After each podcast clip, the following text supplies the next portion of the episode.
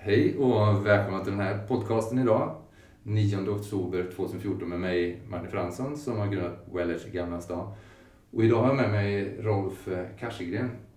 Och vi har känt varandra många år. Och tänkte under de här 20-30 minuterna idag så kommer vi prata om flera olika saker kring hälsa på individ, grupp och organisationsnivå. Jag jobbar ju mer på individ och grupp och du har ju liksom väldigt lång tid och erfarenhet bakom dig på att jobba på organisationer med stora organisationer över hela världen. Ja, det stämmer Martin. Som sagt, Rolf Kassegren heter jag och eh, är Vice President Operation eh, för The Absolute Company, ett företag inom en, ett globalt företag som heter Pernod Ricard. Och där har jag verkat i 19 år. Så att, eh, det stämmer Martin. Det, det blir några år. Ja. Och det är klart att i de, under alla de här åren, och jag har ju haft en karriär innan det också, så, så förundras man ju ständigt över hur, vad är det som händer när organisationen börjar eh, fungera på ett eller annat sätt. Ja. Mm, så är det. Precis, det är ju en sak alltså, vad är det som gör att saker och ting fungerar, att det går bättre? Vad är de där små sakerna som gör att en organisation, en grupp, en individ, bang så händer någonting lite som gör att det blir en utväxling, att det mm. blir en ökad effektivitet eller kvalitet på olika plan.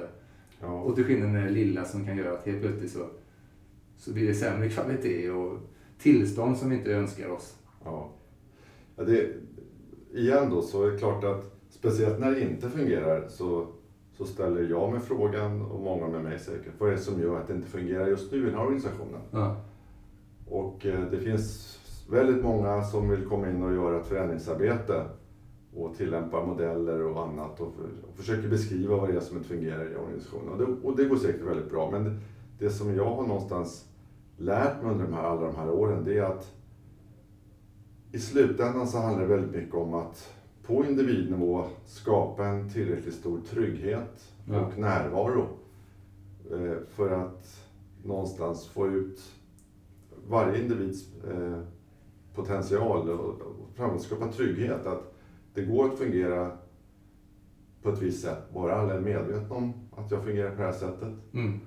Och genom den tryggheten så kommer in organisationen och, och inte minst att ägna tillräckligt mycket tid åt att prata sig samman mot vad, vad är det vi ska prestera ihop ja. och varför. Och när det här görs på ett, på ett genomgripande sätt och på ett sätt som gör att alla är med eller väljer att inte vara med. Bara det här genomarbetat och genomdiskuterat. Så helt plötsligt så kommer en kraft. Exakt. Så kommer en kraft som är, som är fantastisk att uppleva och fantastisk att eh, vara med om. Ja. Mm. Det är en tydlighet. Vad är det för något X som är på väg ja. mot? Sådär. Man kan ju misstolka. Alltså, X kan ju vara någonting för mig och någonting annat. Men liksom när alla... När alla får det klart för sig. Det, tyvärr är det så att det går inte att fuska i den processen. Eh, utan det ställs, måste ställas ganska många kontrollfrågor innan den här, många kallar för vision, intention eller, men, eller mål. Det spelar inte så stor roll, bara att det är klart för vad är det vi ska uppnå? När, vad är det vi strävar efter? Ja. Eh, och när det är på plats så, så är det mycket lättare att, att också tala om vad man ska göra och inte göra. Mm. Och det kan man också göra på olika sätt. Många arbetar med att säga att det är viktigt att ha värderingar eller deviser eller man kan också prata om eh, ramsättning eller någonstans. Mm. Någonting som gör att spelplanen blir så pass tydlig så att jag vet vad som är okej att göra och vad som är mindre bra att göra. Mm. Och därmed också skapa en trygghet för vilka beslut jag kan fatta utan att det blir en stor tröghet i organisationen. Mm. För då kan alla fatta besluten ganska snabbt och då blir det plötsligt ett flöde som underlättar att nå eh, ja, mål och mm. prestationer eller annat. Ja. Mm. Och nu säger alla så tänker jag liksom det, det, det är ju som att alla individerna, det blir en team där man, man, vet vad det är, jag vet vad jag kan fatta för beslut och vad jag kan göra och när jag behöver rådfråga någon annan. Det är en väldig tydlighet i det. Ja. På något sätt äger det i sig själv vad, det, vad är det jag är på väg och vad är min insats i det här gemensamma som vi rör oss emot. Ja, det, och det är mycket lättare att, att bygga upp vad förväntas på varje funktion eller individnivå. Om det är klart och tydligt genomarbetat. Ja. Eh, och någonstans utmejslat Ja. på ett annat sätt. Och det är klart att det här kan man också göra med olika frihetsgrad. Många företag litar mer på processen eller på regelverk. Och då når man en viss, eh, når man en viss nivå.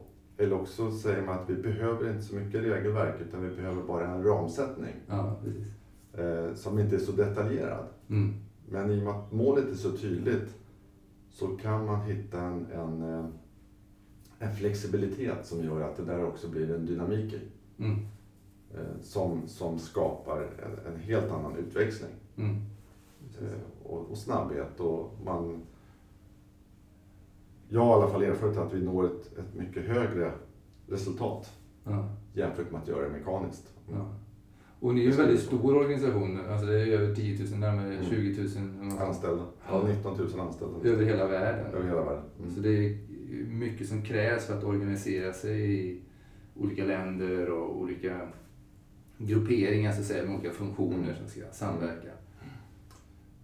Det är det. Och det är klart att vi, vi fungerar inte likadant överallt i hela världen. Men Nej. däremot så har vi vissa grundläggande delar som är väldigt tydliga. Och sen har vi sånt som, som eh, blir mer lokalt utarbetat.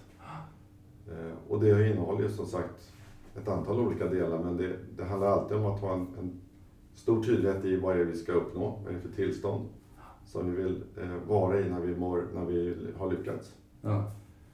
Och sen utvecklar vi också de här eh, guidande eh, reglerna eller Förhållnings... förhållningssätten Ja. som gör att, att det blir lättare att förstå vad som ska göras Mm. med, bi- med bibehållen flexibilitet. Ja. Och de värderingar som stöder vad är det vi tror på tillsammans och vad är det vi inte tror på tillsammans. Så Mm. det sätter väl upp Mm. en hel del. Precis. Och, och det är klart att här, här ser jag i alla fall, många kan nog säga emot mig kanske, men jag är ganska övertygad om att när, man, när vi kan förstå vad som behövs göras på individnivå för att organisationen ska fungera, Ja. det är då helheten börjar att få utväxling. Exakt. Precis. Mm.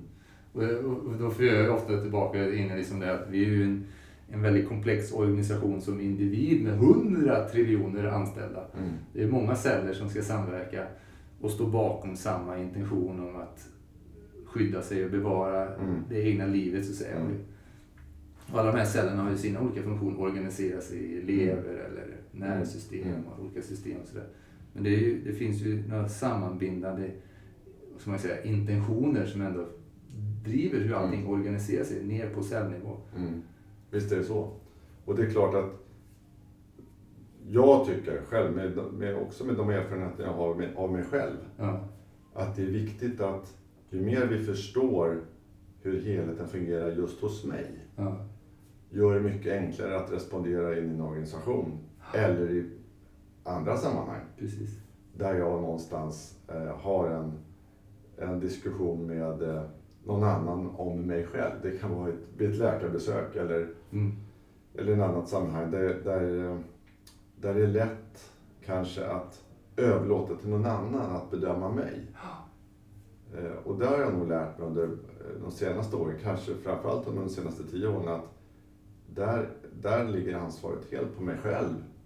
Att, att förstå hur jag fungerar och inte fungerar. Mm. Och varför då?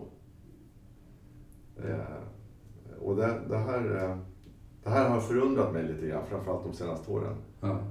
Det är ett kulturskifte där. Liksom Ja. där alltså, Det är ett lite paradigmskifte tror jag Ja. nästan. vad, vad är, när vi går och söker råd om någonting och vi Mm. ska köpa en produkt så kanske vi har haft ett förhållningssätt tidigare liksom att den vet bäst. Mm. Eller om vi går till läkaren, Mm. den vet bäst. Mm. Att det där håller på att skifta sig men att det inte riktigt slagit igenom lika starkt Nej, jag i tror de här inte två olika sammanhangen. Nej, jag tror, jag tror att vi har haft, haft större behov av att verkligen försöka förstå vad det är vi köper när vi köper en kapitalvara. Om det är en bil, en båt eller en diskmaskin eller en tvättmaskin. Så söker vi då för vi vill gärna inte köpa fel. Ja. Och då skaffar vi oss rätt mycket kunskap innan vi går till en återförsäljare och, och börjar diskutera och förhandla om pris eller whatever. Mm. Men jag tror att det varit lättare när vi har haft någonting som har varit så fysiskt påtagligt som ett, ett kontantutlägg eller att betala pengar för någonting Mm. som, som, som vi har eh, sparat ihop till på en eller annan nivå istället i storlek. Men när det har handlat om oss själva eh, så har vi inte varit lika noga med att ta reda på hur, hur hänger allting ihop med mig? Är, om jag har ett problem med en rygg eller med en arm eller så vidare som, är ett, som kanske inte är ett så tydligt som problem som när man bryter en arm eller bryter ett ben. Men när det är lite mer osynligt. Ja. Men det är ändå så mår jag inte riktigt bra. Och där har jag nog själv märkt att det är en fantastisk tillgång att börja försöka förstå hur allting hänger ihop i mitt system. Innan jag sätter mig framför en, en, en läkare eller en kiropraktor eller, Ja. Eller någon som ska börja hjälpa mig att komma till rätta med någonting som, har, som inte fungerar som jag vill. Mm.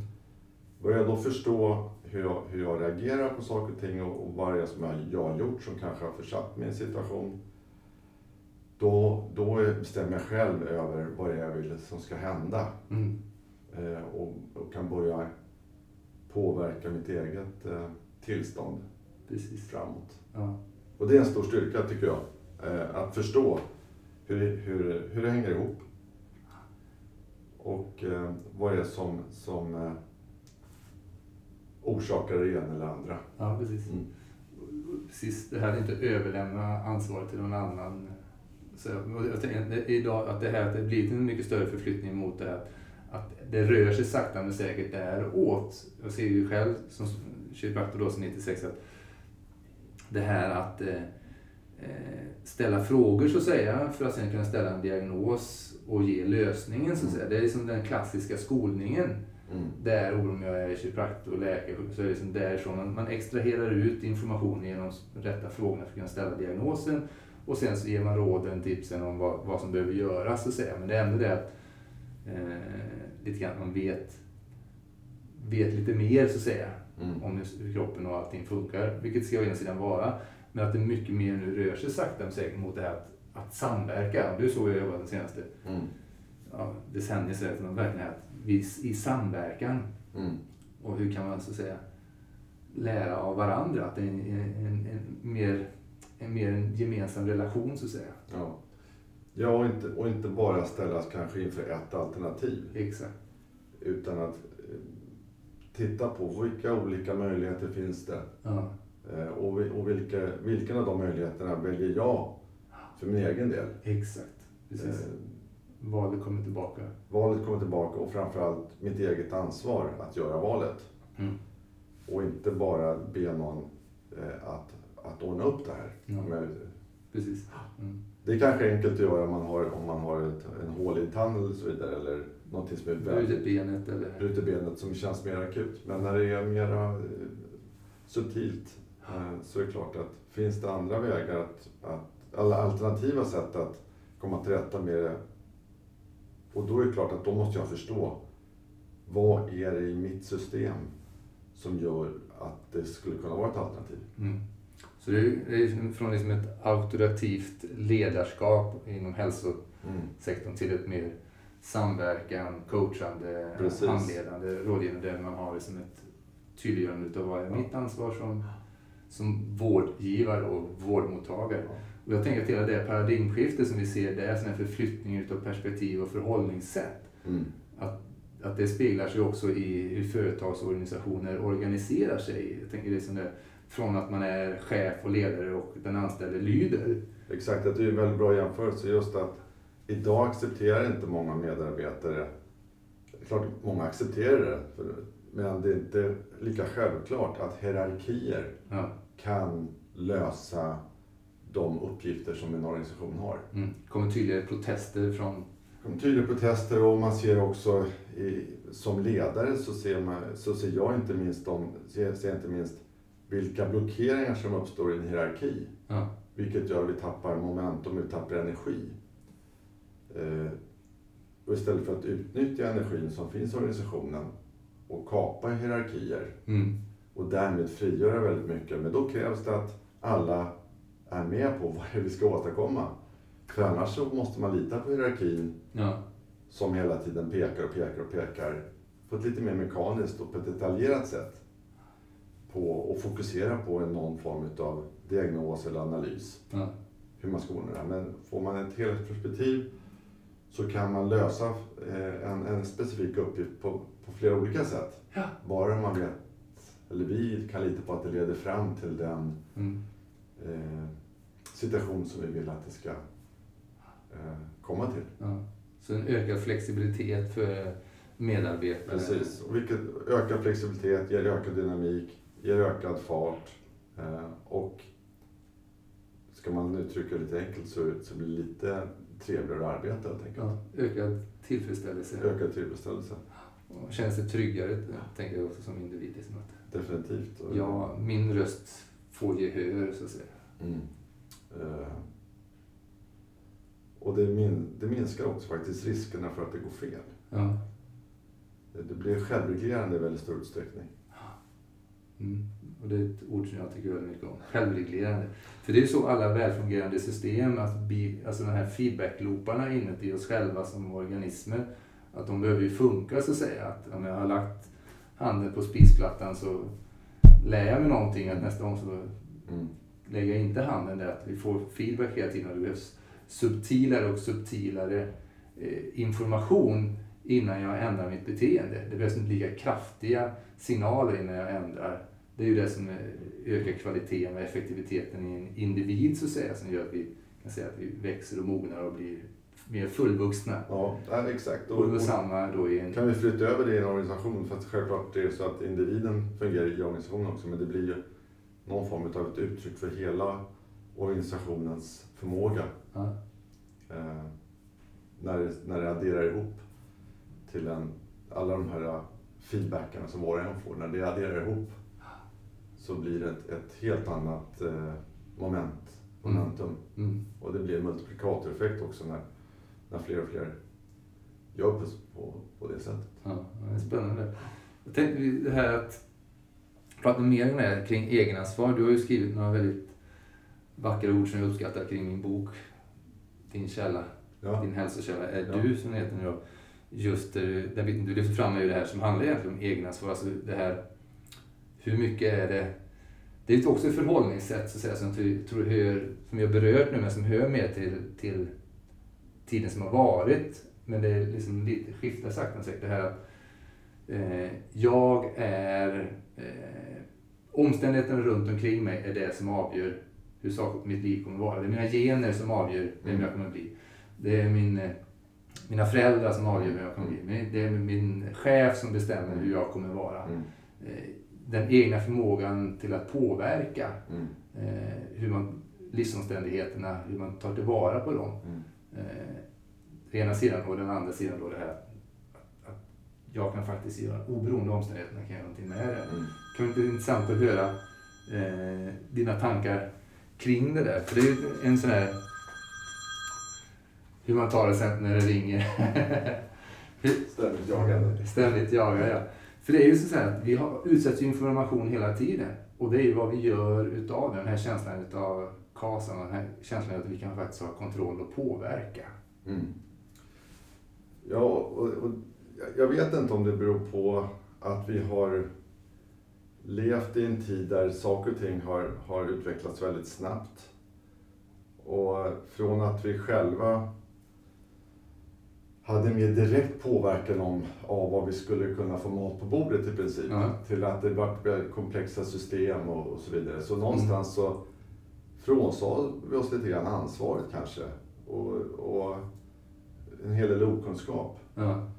Jag tror att vi är tillbaka en tid nu där vi, där vi verkligen med all den kunskap vi har har också ett ansvar att ta tillbaka ansvaret. ja, precis. Eh, för att vi, vi har de möjligheterna. Och, och eh,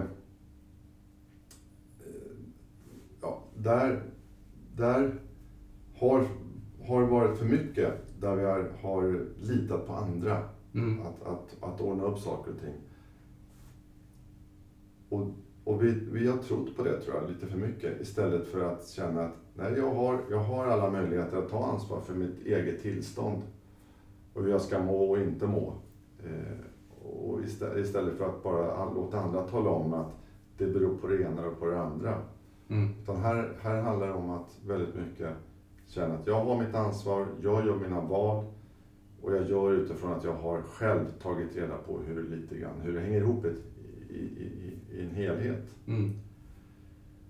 Och inte minst eh, eftersom jag har, har läst din bok Martin så, så tycker jag det är väldigt, väldigt eh, lugnande att veta att det, att det finns så pass mycket kunskap kring att det faktiskt hänger ihop och att det beror inte på något öde eller på något arv eller på något, några yttre omständigheter som jag hela tiden måste bara acceptera mm.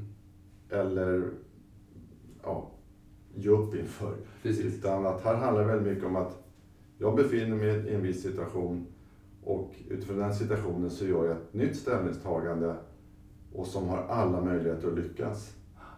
Om jag bara börjar göra sakerna därifrån utifrån ett sätt som jag själv tror är rätt i relation till, ett, till en, en, en helhet. Mm.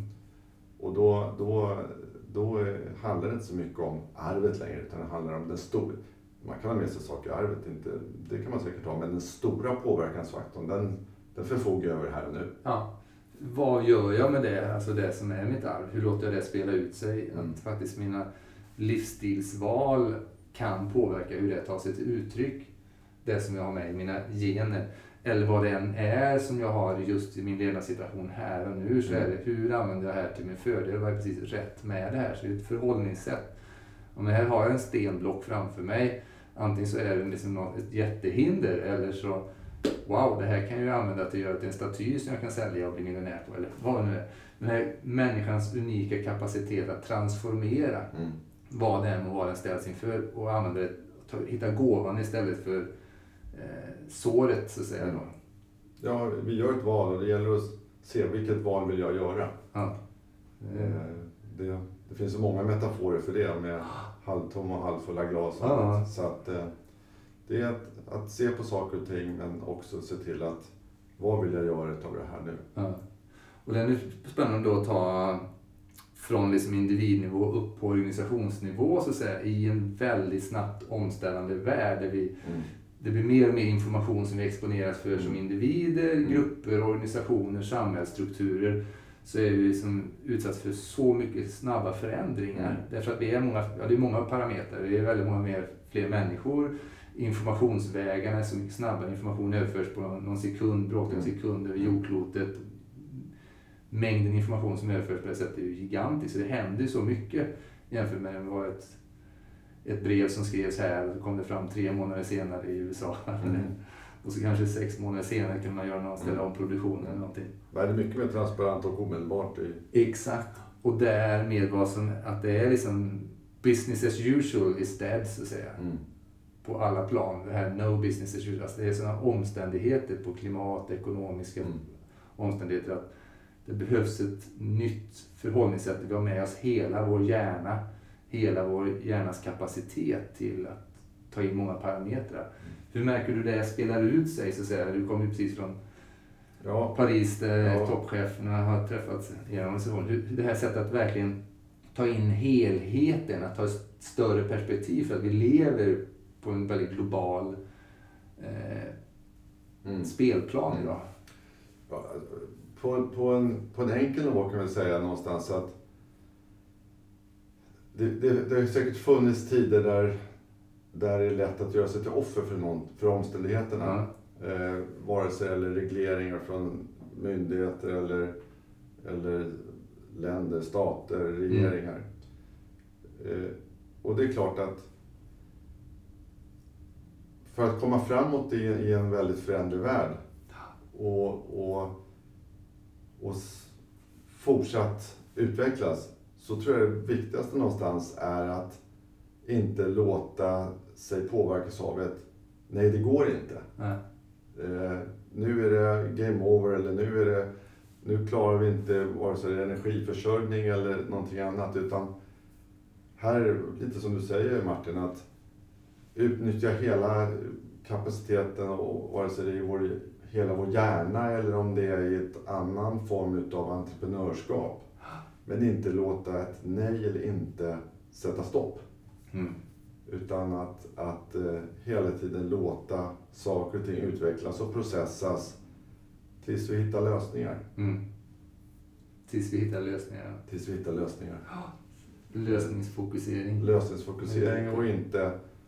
Och, och det handlar väldigt mycket om att, att inte acceptera, nej men det, det, att inte bli offret. Det, det går inte att ordna annat på ett annat sätt eller att det går inte att ta sig framåt på det sätt som vi ville först utan då, då handlar det väldigt mycket om att bli lite entreprenörer igen. Eh, igen ska jag inte kanske säga, men att, att bibehålla mm. eh, entreprenörskap och förmågan till kreativitet och flexibilitet. Och mm. ta, in, ta in helhetsperspektiv. Ja. Och utnyttja hela den kapacitet som vi på individnivå har i våra hjärnor eller på ett annat sätt. Ja. organisationen så är det flera hjärnor. Precis, många. många hjärnor. Eh, och mycket erfarenheter. Ja. Eh, mm. och, och det är där någonstans som dynamik och kraft skapas. Att det inte låser sig vid en, en väldigt ensidig diagnos. Mm. Utan att titta, okej okay, det här är hela spelplanen. Mm. Det här är hela systemet, det här är allting som vi ska ta in och, och därifrån se vad är, vi, vad är vi som, vad är det vi kan göra. Eh. Mm. Och då kommer vi tillbaka till det, jag tänkte som du sa, flexibilitet, just det här att, att verka mer proaktivt istället för reaktivt. Det här. Vi pratar om målbilden, eller vad vi än kallar det, men vi vill mot X, att det är väldigt tydligt så att säga.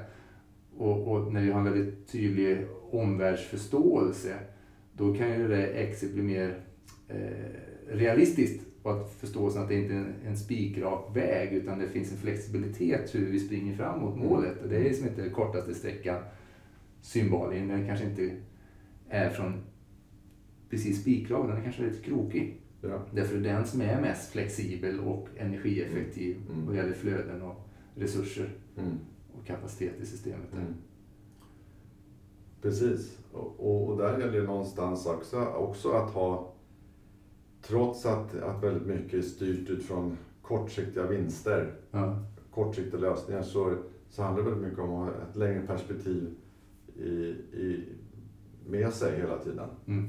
För att se, okej, okay, om vi bara gör på ett nytt sätt nu så kommer det kanske få önskad effekt, men ganska långt fram i framtiden.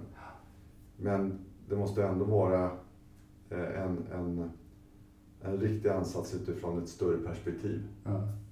Eh, även om det inte är omedelbar effekt. Mm. Ja, spännande. Mm. Ja, mycket kring det här eh, de här grundbitarna. Hur skapar vi flexibilitet och i en väldigt föränderlig eh, värld? Vi bröt många bitar. Ja. Om man ska ta och titta på det här om det stora perspektivet på både världsplanet för organisationer och företag som verkar över hela världen och, och för individen. Så här, tar den här, vad, vad, vad, ser du så att säga alltså, i omvärldsförståelse? Vad är vi på väg någonstans? vad är på väg? Vad är liksom trender som man kan tolka som positiva och saker som man kan tolka som lite sådär hmm, hur kan vi använda det här till vår fördel? Men det är definitivt en liten varningsflagga så att säga. Då. Ja. Från det perspektivet du verkar liksom, eh, där ni kanske tittar på vad händer på världsekonomiplanet, vad händer med orosmoment i olika världsdelar med oroshärdar och krig och klimatförändringar. Alltså det är mycket som händer på många mm, det är det. plan. Så det är mycket som händer och inte minst så, så ja, vi har ju, till att börja med har vi ju en demografi runt om i hela världen. Befolkningen ökar ju. Ja. Vilket gör att trycket på jordklotet har också ökat enormt. Mm. Och det är klart att där finns det ett långsiktigt perspektiv. Hur blir det här hållbart? Ja, precis. Eh, och, och, det, och det kan ju brytas ner i, i mindre eller i beslut i mindre frågor som, inte, som ska passa in i den här helheten. Allt ifrån försörjningssystem och, och annat, eh, distribution. Eh, och eh, hur ser det ut när det gäller levnadsstandard runt om i världen? Vad är det som kommer att mm. efterfrågas? Vad är det som det kommer att finnas behov utav och hur, hur ser det ut? Mm. Eh, kommunikation, vi har, det händer ju väldigt mycket nu när det gäller förändringar kring kommunikation. Och, eh, du sa ju tidigare Martin, när det gäller att föra över information går ju blixtsnabbt idag. Ja. Den digitala världen har ju under bara de senaste två åren kanske, eller Mm. sedan 2007 exploderat enormt. Eh, Så att informationsutbytet eh, är väldigt viktigt och, det är klart att det informationsutbytet måste också byggas in i vad är det för helhetslösningar som man någonstans måste gå in i för att inte exponera sig onödan eller, eller ta risker som inte eh, är hållbara. Ja. Den här gäller hela tiden att se till att, att göra saker med hänsyn till helheten. Mm. Med hänsyn till helheten, ja. I, I mycket större utsträckning tror jag vi var medvetna om för, för ett antal år sedan. Mm. Ja, jag gillar den Rolf, med hänsyn till helheten. Ja, för det, det är som det här, den systemiska påverkan så att säga idag när allting är så eh, ihoplänkat på så många plan. Så att det, det, det, vad som händer på ett ställe spelar ut sig så snabbt på, på världsarenan potentiellt. Exakt. Så att det, Exakt. det är svårt att förutsäga. Alltså, någon filmar liksom någonting i Hongkong som var nyligen då. Så, som, pam, så blir det, det blir såna effekter på börsen och Ja. allting utav eh, någonting som skulle kunna vara bara en lokal händelse. Men det har inte lokal Nej. effekt längre. Ja, Jag tror att det finns en osynlig hand här som många beslutsfattare och, och regeringschefer etc. Alltså helheten kommer bli större, större Ja. betydelse. Och det är från vår egen, vår egen på individnivå. Helheten är viktig. Samhället är, i, i helheten viktig. På företagsnivå, organisationsnivå. Helheten får en större och större ehm, eller kunskapen om helheten får en större och större betydelse. Ja, en systemisk förståelse. systemets förståelse. Och det är ju en bra liksom. Så här. Vi har ju eh, känt varandra länge, men vi har ju också en gemensam kompetens att säga att vi båda är kommunikologer. Ja, läran om det som är gemensamt. Och det är mycket, den här samtalet vi har haft nu handlar ju just det här att se, väldigt mycket så. Vad är det som är gemensamt? ja, Och kunskapen kring det som är gemensamt. mm, oberoende om man tittar på individ, grupp eller organisation eller Mm. att se det som hur, hur kan vi sammanfatta och förenkla det här, analysera och titta och lyfta upp det på ett eh, lite mer övergripande plan. Så. Ja. Om vi ser tillbaka på hela den här podcasten som eh, vi har haft nu och som du som lyssnar lyssnar på så är mycket den här dialogen utgår ifrån den förståelsen, gemensamma förståelsen vi har. Så, att Mm. säga då. så det jättekul. Tack för att du Tack tog dig tiden. Tack själv. Jättetack. Och du som hör det här så är ju jag och Rob jättenyfikna att se vad, vad fick du ut av det och vilka möjligen frågor väcker det i dig. Så att var du ser det här någonstans så lämna gärna kommentarer och frågor efter det här. Om du ser det på Facebook eller på podcasten så kan du skriva ner. Så vi är jättenyfikna att få feedback på det. Och eh, har du andra frågor så kan du givetvis mejla på info.wellers.se och så skriver du bara podcast i ämnesraden och så kan du skriva vad du har för några frågor, tankar, funderingar eller vad annat du skulle vilja veta mer om. Så kan jag ta upp det i en annan podcast med Rolf eller med någon annan så vi kan fördjupa det här så det blir en levande dialog. Det tar in helheten, det vill säga inkludera dig som lyssnare. Så tack för nu och se fram emot att höra dig nästa gång.